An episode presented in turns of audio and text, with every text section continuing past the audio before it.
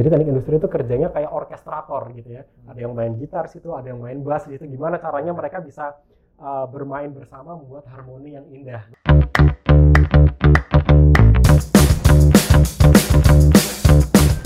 Selamat pagi, selamat siang, selamat sore, selamat malam, tergantung kalian dengarnya kapan. Mungkin pas macet-macetan, balik lagi sama saya, Ralph Andrew aka Badri Ucok, di Bincang Teknik Industri 2022. Dengan format yang berbeda dengan yang tahun lalu, kali ini kita ditemenin oleh Mr. Budi Soleh. Ganteng banget, bos. Oke. Kali ini, ya sebelumnya itu kita nyapa dulu. Guten Morgen. Morgen. Mr. Budi Soleh. Ya kita nggak tahu lagi, kita ya udah pasti udah nggak heran lagi ya guys sama background dari Pak Budi Soleh ini yang bikin kita insecure ya guys ya kadang-kadang kadang aduh kapan kita kebagian atau kapan sih kita punya ya prestasi seperti Bapak Budi Soleh oke jadi mungkin kita sapa dulu kali ya Pak gimana Oke. Pak kabarnya Pak Baik, alhamdulillah kabar baik. gimana Pak Kabar Kayak nih. udah udah mau uas sebentar lagi Pak soal gitu Pak kadang-kadang pusing Pak soal-soal Pak gimana Pak Kan ada minggu tenang. Oh iya, benar. Ada minggu tenangnya biasanya jadi minggu tegang ya. Tenang dipakai buat tidur. Buat tidur ya? Dipakai buat istirahat. Belajarnya tetap sehari semalam sebelumnya. Bener, setuju Pak, setuju Pak. Gitu sih Pak. Iya. iya. Eh mungkin karena kan kita formatnya berbeda ya sama Hmm. tahun lalu ya Pak. Tahun lalu kan kita pakai live Instagram, sekarang, Oke. sekarang kita udah kayak FOMO gitu mungkin Iya. lihat orang-orang tuh kayak wah podcast, semua podcast, semua podcast, video podcast, ini Iya. podcast gitu Pak. Kalau boleh tahu, Bapak suka dengar podcast gak sih Pak sebenarnya? Tergantung sih kadang-kadang ya, tergantung pembicaranya. eh, kalau misalnya oke dan topiknya juga eh, saya interest gitu, biasanya sih dengerin. Berarti Iya. Bapak mungkin ada rekomen-rekomen mungkin buat para penonton juga selain kita nanti kita baca bicara-bicara tentang hal-hal Iya. yang menarik tentang industri, mungkin kita mau intermezzo dulu Hmm, mungkin Pak. boleh. Apa sih podcast yang rekomen buat anak-anak muda gitu Pak? Atau Waduh. yang seru gitu. Kalau buat anak-anak muda sih eh, jarang sih saya ya Oh, dengerin ya. Eh, mungkin yang mungkin yang umum kayak Deddy Corbuzier gitu Oh, doang ya. ah, yang umum. Kalau saya sih podcastnya biasanya lebih spesifik uh, ke misalnya kayak ke uh, apa podcast dari beberapa scientist yang saya follow gitu. Biasanya saya ngikutin gitu. Oh, Iya. baik baik baik baik. Nah, mungkin kita langsung aja nih Pak ke pertanyaan pertama yang mungkin ini mungkin pertanyaan dari saya dulu kali Oke, oke, kayak boleh. aduh. Belakangan ini kan kita tahu nih Pak, kalau di negara kita Hmm. tuh udah mulai ya ngikutin dunia luar lah dalam Hmm. arti kayak positif gitu Pak. Khususnya kemarin MotoGP Pak, yang Oke. kemarin di Mandalika. Iya. Ya wah itu menurut Bapak keren banget nggak sih Pak? Itu Keren Mandalika asli. kayak Iya. Akhirnya ya akhirnya akhirnya kita akhirnya. punya kelas Walaupun- internasional. walaupun walaupun orang-orang idola orang-orang ya guys apalagi idola teman-teman kita mungkin Pak Mark Marquez nggak bisa berlaga pas itu karena dia jatuh kemarin tapi yang menarik adalah yang kadang-kadang tuh masuk sampai for your page FYP TikTok tuh ini Pak Ya. tentang kehadiran Mbak Rara kehadiran Mbak Rara dengan ininya itu loh Pak Iya. nah kan kemarin saya itu kan untuk bagi kalian yang nggak tahu ya Pak Butsol itu kemarin ngajar saya untuk Hmm. semester satu itu probabilitas Oke. gitu Pak Hmm. Nah, emang iya ya Pak? Kita tuh apa bisa jadi Mbak Rara gitu nanti kalau udah menjadi lulusan ketika kita menjadi lulus teknik industri gitu. Oke, gini, uh, Mbak Rara sebagai berarti profesinya sebagai pawang hujan. Betul. gitu ya. Kalau pawang hujan itu kan berarti tugasnya dari yang uh, mungkin sebelumnya hujan menjadi terang gitu ya, Iya. mencegah uh, hujan Oke. gitu. Uh, atau bisa sebaliknya, kalau misal misalnya panas kemudian didatangkan hujan gitu ya, fungsinya pawang hujan. Nah biasanya pawang hujan ini dipakai kalau misalnya ada kegiatan-kegiatan yang penting memang membutuhkan kondisi faktor cuaca tertentu gitu ya. Uh, terlepas dari uh, memang bisa atau tidaknya gitu ya uh, benar atau tidaknya bahwa pawang hujan ini bisa uh, mempengaruhi cuaca sekitar gitu. Nah, kalau dari teknik industri sendiri ya di teknik industri itu kita punya uh, mata kuliah atau punya keahlian skill set yang namanya forecasting gitu. Jadi kita bisa uh, belajar untuk memahami apa sih yang menjadi penyebab atau men- eh, faktor-faktor yang mempengaruhi terjadinya hujan gitu. Nah, kalau kita sudah bisa memahami faktor-faktor apa saja yang bisa mempengaruhi suatu hujan di satu daerah misalnya, Nah, kita bisa melihat ada nggak faktor yang bisa kita pengaruhi gitu.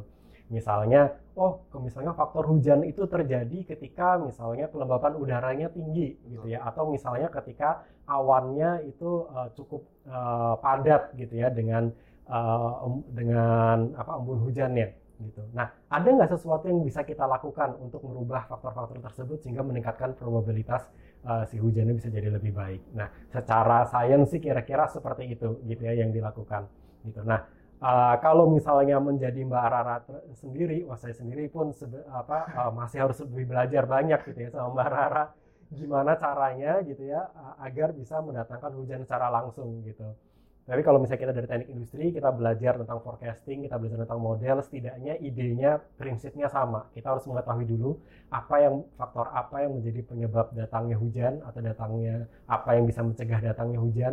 Nah, kalau kita bisa mempengaruhi faktor-faktor tersebut, kita mungkin bisa mendatangkan hujan gitu ya, ataupun menolak hujan di satu tempat gitu sih. Oh gitu, Pak kadang-kadang tuh jadi barara tuh keren banget ya guys kalau kalian nggak tahu tuh dipindahin pak hujannya pak kemarin dari Lombok tuh ke yeah.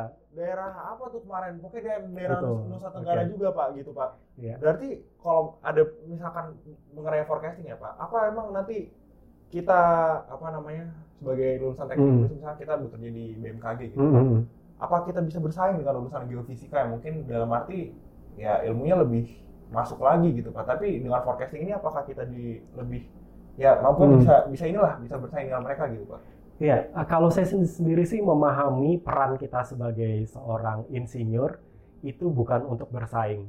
Hmm. Ya, uh, mengapa kita harus berkompetisi ketika kita bisa berkolaborasi? Teman-teman, coba jiwa kompetitif kalian teman-teman dikurangkan dulu kita harus Iya, jadi per, uh, pertanyaannya bukan bagaimana kita bisa bersaing dengan jurusan lain, tapi pertanyaan pertama adalah tanyakan dulu ke diri kita ya, kita ini bisa berkontribusi di bidang apa, apa yang bisa menjadi keunggulan kita gitu ya dibandingkan dengan yang lain. Nah kemudian setelah itu kita uh, mencoba melihat bagaimana cara kita bisa bekerja sama dengan orang lain agar bisa memberikan nilai tambah yang lebih Betul. gitu. Nah, kalau tadi pertanyaannya apakah kita bisa bersaing dengan apa geofisika atau bekerja di BMKG gitu ya misalnya. Tentunya kalau misalnya pingin uh, bekerja di B BMKG terus pingin dapat cerita kayak forecasting love and weather misalnya kalau varian drama mungkin susah ya saingannya. Karena itu lebih banyak faktor tampang daripada bener pak. setuju pak. Setuju pak. Apa nih pak. Oke. Okay. Nah, uh, kalau di teknik industri sendiri tadi related sama forecasting tadi ya uh, kita bisa tadi ya belajar tentang bagaimana memodelkan uh, tadi tentang misalnya tugas BMKG itu memprediksi cuaca ya, kita bisa memprediksi juga kan mem, memperkirakan membuat model yang kira-kira apa yang mempengaruhi faktor hujan ini. Hujan akan terjadi ketika dalam situasi seperti apa. Nah teman-teman di geofisika tentu lebih banyak belajar tentang uh, situasi uh, sekitar gitu ya. Misalnya di hujan itu terjadi ketika misalnya kecepatan anginnya sekian, embunnya sekian, atau apa-apa gitu ya. Nah di teknik industri mungkin kita tidak terlalu banyak memahami tentang masing-masing variabelnya tadi. Hmm. Misalnya yang dimaksud dengan kelembapan itu seperti apa, dimaksudkan dengan kecepatan angin seperti apa, bagaimana bisa berubah. Tapi kita bisa membantu untuk membuat model yang useful di BMKG. Oke, tujuannya ini apa nih? Kita tujuannya ingin meramal cuaca. Seberapa jauh kita ingin meramal? Tentunya membuat model meramal cuaca untuk satu minggu ke depan sama untuk 10 menit ke depan itu adalah dua model yang berbeda. Oh iya iya. Nah, kita di teknik industri bisa apa namanya berperan di situ bagaimana membuat model yang useful sesuai dengan tujuannya tadi. Oh, berarti itu kalau saya ini ya Pak, apa kalau mungkin saya bisa asumsi, mm -hmm. apakah itu ada hubungan erat kaitannya dengan statistik berarti ya Pak? Untuk, betul. Ya kan ya, ya Pak? Untuk, betul. untuk pemodelan A, B, C, D, ya. E gitu mungkin ya Pak? Iya. Nah. Jadi kalau kita di teknik industri itu sebenarnya modal paling dasar, ilmu paling dasar itu statistika dan riset operasi. Oh alah. Iya. RO buat teman-teman semester 4 mungkin yeah. dari kuis tadi kan statistik. Oke. Okay. Jadi ada pertanyaan nih Pak hmm. tentang statistik gitu ya. Sekarang kan lagi banyak tuh tentang hmm. data gitu. Hmm. Menurut menurut Bapak apakah apa namanya kayak saya juga kurang tahu kayak hmm. Six Sigma dengan ANOVA itu akan bergabung di masa depan? Atau mungkin Bapak hmm. bisa jelasin buat teman-teman kita mungkin teman-teman saya mungkin yang angkatan 2021 Ya. apa sih itu Pak Six Sigma atau ANOVA itu sendiri? Oke baik, ini pertanyaannya cukup menarik sih, apalagi di era sekarang ya, di era digital. Era digital ini memungkinkan kita untuk memiliki data yang sangat banyak karena semua hal eh, itu yang dulunya tidak terekam sekarang jadi banyak terekam gitu kan. Dulu misalnya kita eh, berbicara seperti ini itu tidak terekam, tidak menjadi data gitu. Benar. Sekarang sudah bisa menjadi data. Betul. Orang sudah bisa mentranscribe video kita, kemudian itu teksnya menjadi data untuk mereka analisis gitu. Uh, perpindahan lokasi kita, dulu kita jalan ya jalan biasa aja, tapi perpindahan lokasi kita, misalnya kalau kita menyimpan HP Android dan locationnya diaktifkan, Oh. itu Google selalu men-track pergerakan lokasi kita, gitu ya. Nah itu datanya terekam, sehingga Google tahu bagaimana mobilitas uh, orang misalnya di suatu kota, gitu ya. Kalau dia apa namanya uh, menyimpan HP Android dan locationnya di on kan, gitu ya. Jadi kita uh, ket- ketika orang bilang Android itu gratis, sebenarnya nggak gratis-gratis amat. Kita membayar dengan data kita, gitu ya. Oh, oke. Jadi di era zaman sekarang eh, data itu menjadi sangat banyak sehingga ilmu statistik ini menjadi eh, sangat penting. Karena ilmu statistik itu kan ilmu tentang bagaimana kita mengambil kesimpulan dari data yang sangat banyak gitu ya. Intinya sih itu gitu. Nah, kenapa kok statistik menjadi penting? Bahkan kalau par penasehat eh, kurikulum pendidikan di eh, di Amerika Serikat bilang eh, teach your student statistic before calculus gitu. Jadi guys. saking pentingnya gitu kan. Saking pentingnya, Saking pentingnya di zaman sekarang karena zaman sekarang mungkin ya eh, statistik apa eh, bagaimana mengambil kesimpulan dari dat dari data yang berseliweran di sekitar kita mana yang relevan dan mana yang tidak. Keahlian tersebut eh, mungkin lebih relevan dibandingkan dengan kalkulus. Walaupun ya sebenarnya untuk memahami statistik kita perlu harus benar, memahami kalkulus. kalkulus dulu ya. ya kayak integral dan sebagainya. Gitu sih. Nah terkait dengan mana Six tadi? Sigma, Six Six Sigma. Sigma, iya, ya nah tadi kalau bilang ada Six Sigma ada ANOVA Ah. itu sebenarnya cabang dari statistik. Iya, termasuk big data itu juga cabang dari statistik. kan saya sendiri kan Hmm. udah belajar ANOVA kan ANOVA tuh kan Iya. analysis analysis of variance berarti Iya, benar, betul.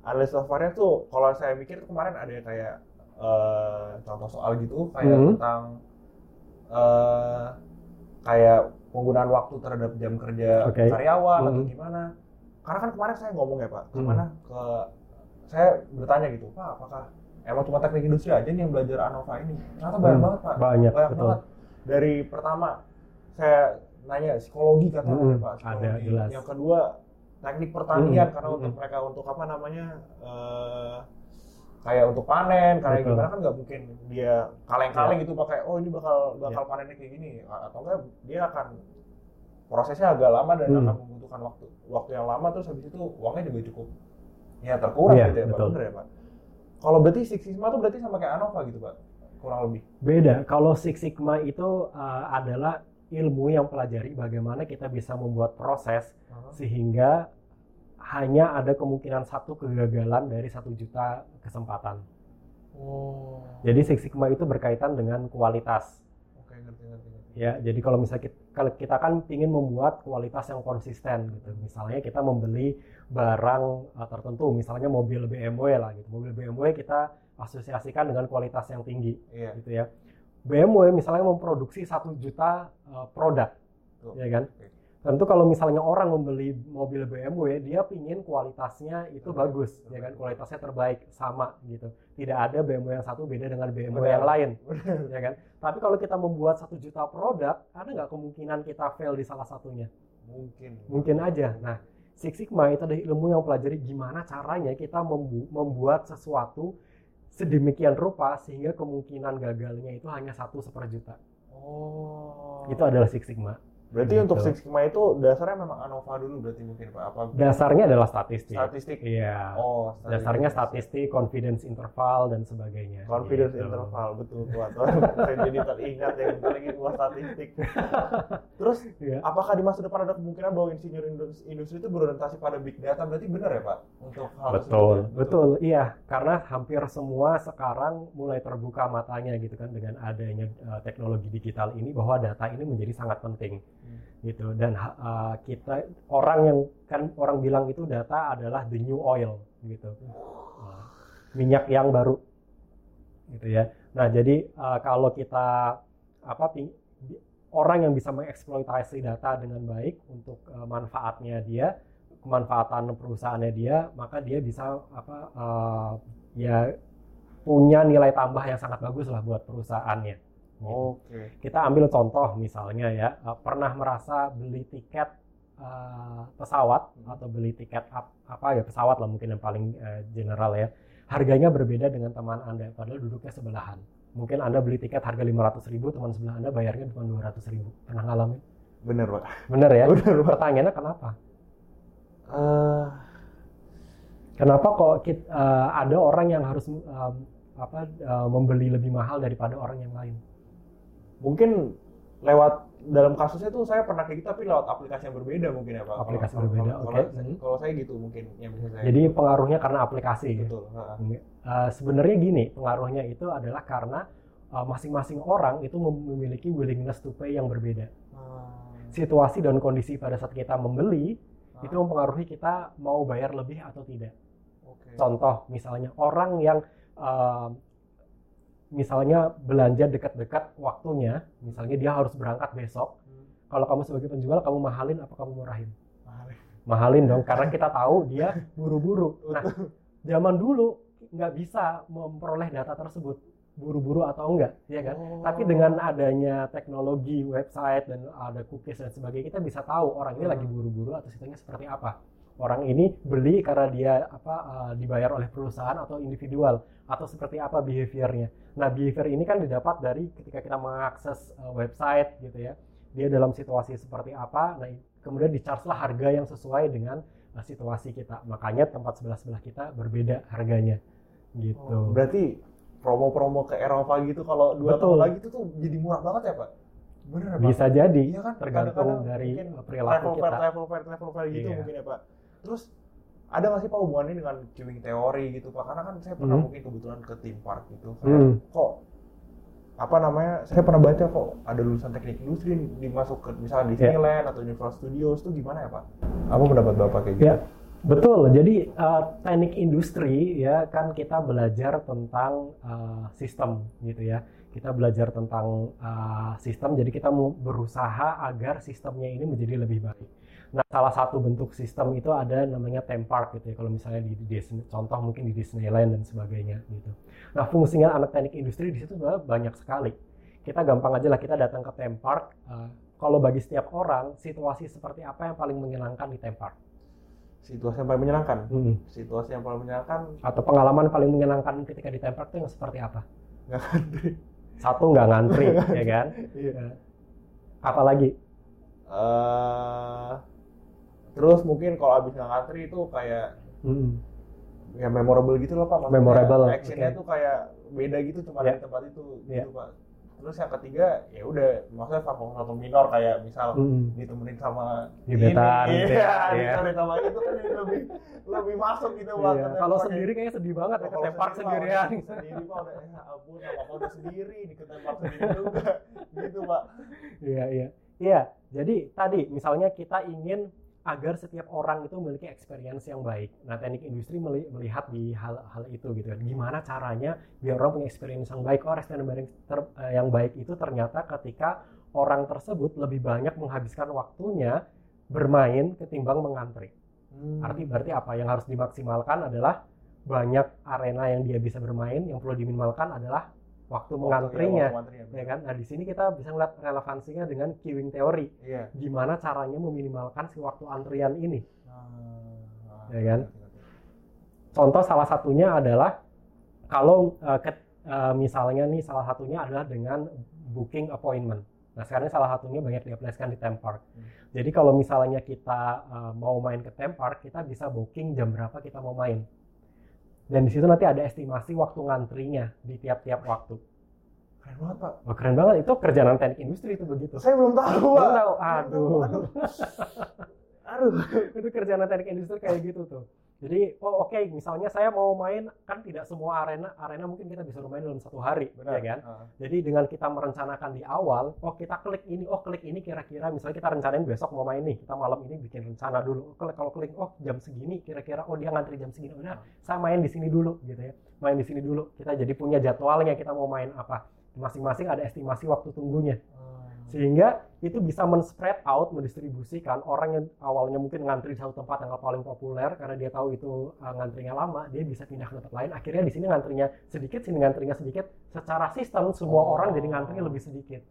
Itu salah satu guna dari uh, queuing teori di uh, misalnya di tempat dan sebagainya. Oh gitu Pak, benar-benar makanya lebih efektif gitu ya, Pak. Betul. Terus pertanyaan buat kita semua nih Pak, yang mungkin ternyata pertanyaan Hmm. terakhir buat kita ya Pak, apa sih kayak mahasiswa teknik industri itu menganggap ah nah cuma mata kuliah A, mata kuliah B, Hmm. mata kuliah C. Mm. Padahal tuh efeknya cukup besar bagi dunia pekerjaan itu apa ya Pak? Kalau bisa Ya. emit gitu. Iya, peker- eh, uniknya dari teknik industri ya, teknik industri itu em, pekerjaannya tidak terbatas sama satu atau dua jenis pekerjaan, tapi ada banyak sekali jenis pekerjaan yang bisa dimasuki oleh teknik industri gitu. Makanya kalau eh, kalian diskusi sama kakak kelas kali- kalian gitu kan, banyak banget ada yang di banking, ada yang di Benar. Walt Disney kita punya, di perkapalan kita ada, di manufaktur ada gitu ya. Bahkan di consulting juga ada, di hampir di semua tempat tuh ada ada teknik industri. Mungkin yang terlintas pertama kalau orang yang nggak ngerti anak teknik industri berarti nggak jelas dong gitu ya. Iya, benar. Padahal eh, di satu sisi kita dibutuhkan di semua tempat. Kenapa kita dibutuhkan di banyak tempat? Karena ya, teknik industri itu adalah belajar tentang eh, bagaimana melihat sesuatu dari sudut pandang sistem. Keren. Eh, apa itu sudut pandang sistem? Jadi kebanyakan di jurusan-jurusan lain dia hanya belajar satu spesifik ilmu, Hmm, setuju. ya kan? Satu spesifik ilmu misalnya teknik kimia, dia hanya belajar tentang proses kimia dan sebagainya walaupun ada tambah-tambahan dan materi lain. Teknik elektro dia fokus di situ, teknik mesin fokus di situ. Padahal ketika kita mau menjalankan sebuah bisnis ya, kita nggak bisa hanya dengan satu ilmu doang Benar, setuju Pak. ya kan? Nah, masalahnya banyak di perusahaan itu nggak ada yang mikirin gimana caranya mereka bisa berkolaborasi menjadi suatu sistem yang bekerja dengan baik. Nah, di situlah teknik industri berperan. Jadi kenapa kok mungkin ya pertama kalian belajar di teknik industri itu mikirnya kenapa sih kok ini belajarnya nggak jelas semua dipelajarin gitu ya dan semuanya serba dangkal gitu Agak kan. bener, serba bener, dangkal ya Iya, kan? bener. ini apa belajar ini belajar itu? Sebenarnya itu ngapain sih? Sebenarnya kalau kalian memperhatikan di pengantar teknik industri itu udah dikasih diwanti-wanti dari awal. Teknik industri itu bentuknya shape-nya kayak diamond kayak intan gitu ya. Ah. di awal kalian dipelajari dikasih tahu ini loh teknik industri itu ya kita berpikir tentang sistem kita mengoptimalkan membuat sesuatu lebih baik. Dengan cara apa? Dengan cara mengor- mengorkestra semua subsistemnya sehingga berfungsi dengan baik. Misalnya kalau dalam tubuh kan ada jantung ada pernapasan dan sebagainya. Ah. kita mau mengorkestra itu sehingga semuanya berjalan dengan baik dan eh, dan lebih baik lagi bahkan gitu ya. Nah untuk tahu itu kita perlu tahu mendalami tentang subsistem subsistemnya, ya kan? Ah. Misalnya kita perlu tahu kalau misalnya dalam tubuh manusia jantung itu seperti apa, pernafasan seperti apa. Kalau kita udah tahu, ya kita tahu oh ternyata kalau kita udah tahu masing-masing kita tahu cara membuat mereka lebih baik itu seperti ini cara mereka bekerja itu lebih baik kayak gini. Jadi teknik industri itu kerjanya kayak orkestrator gitu ya. Ada yang main gitar situ, ada yang main bass gitu. Gimana caranya mereka bisa uh, bermain bersama membuat harmoni yang indah. Nah, itu penggunanya teknik industri. Oh gitu, Gitu. benar-benar benar. Terjawab semua teman-teman kan, kenapa kita belajar, kadang-kadang kita belajar prokdas, tapi besoknya kita belajar bantek, habis itu kita ekotek lagi untuk yang anak-anak Iya. semester 2, mungkin yang semester 4, yang lain-lain mungkin bisa dijelasin oleh teman-teman anak 2020 dan yang lain-lain. Karena mungkin keterbatasan waktu, sebenarnya kalau kita bisa ngobrol bisa sampai sore, malam mungkin Pak tentang mendalami tentang kayak gini. Oke. Eh, mungkin kita udahan dulu kali ya Baik. Pak. Saya Raf Edu Eke Badrucok dan Pak Budi Soleh signing out. Ciao. Bye.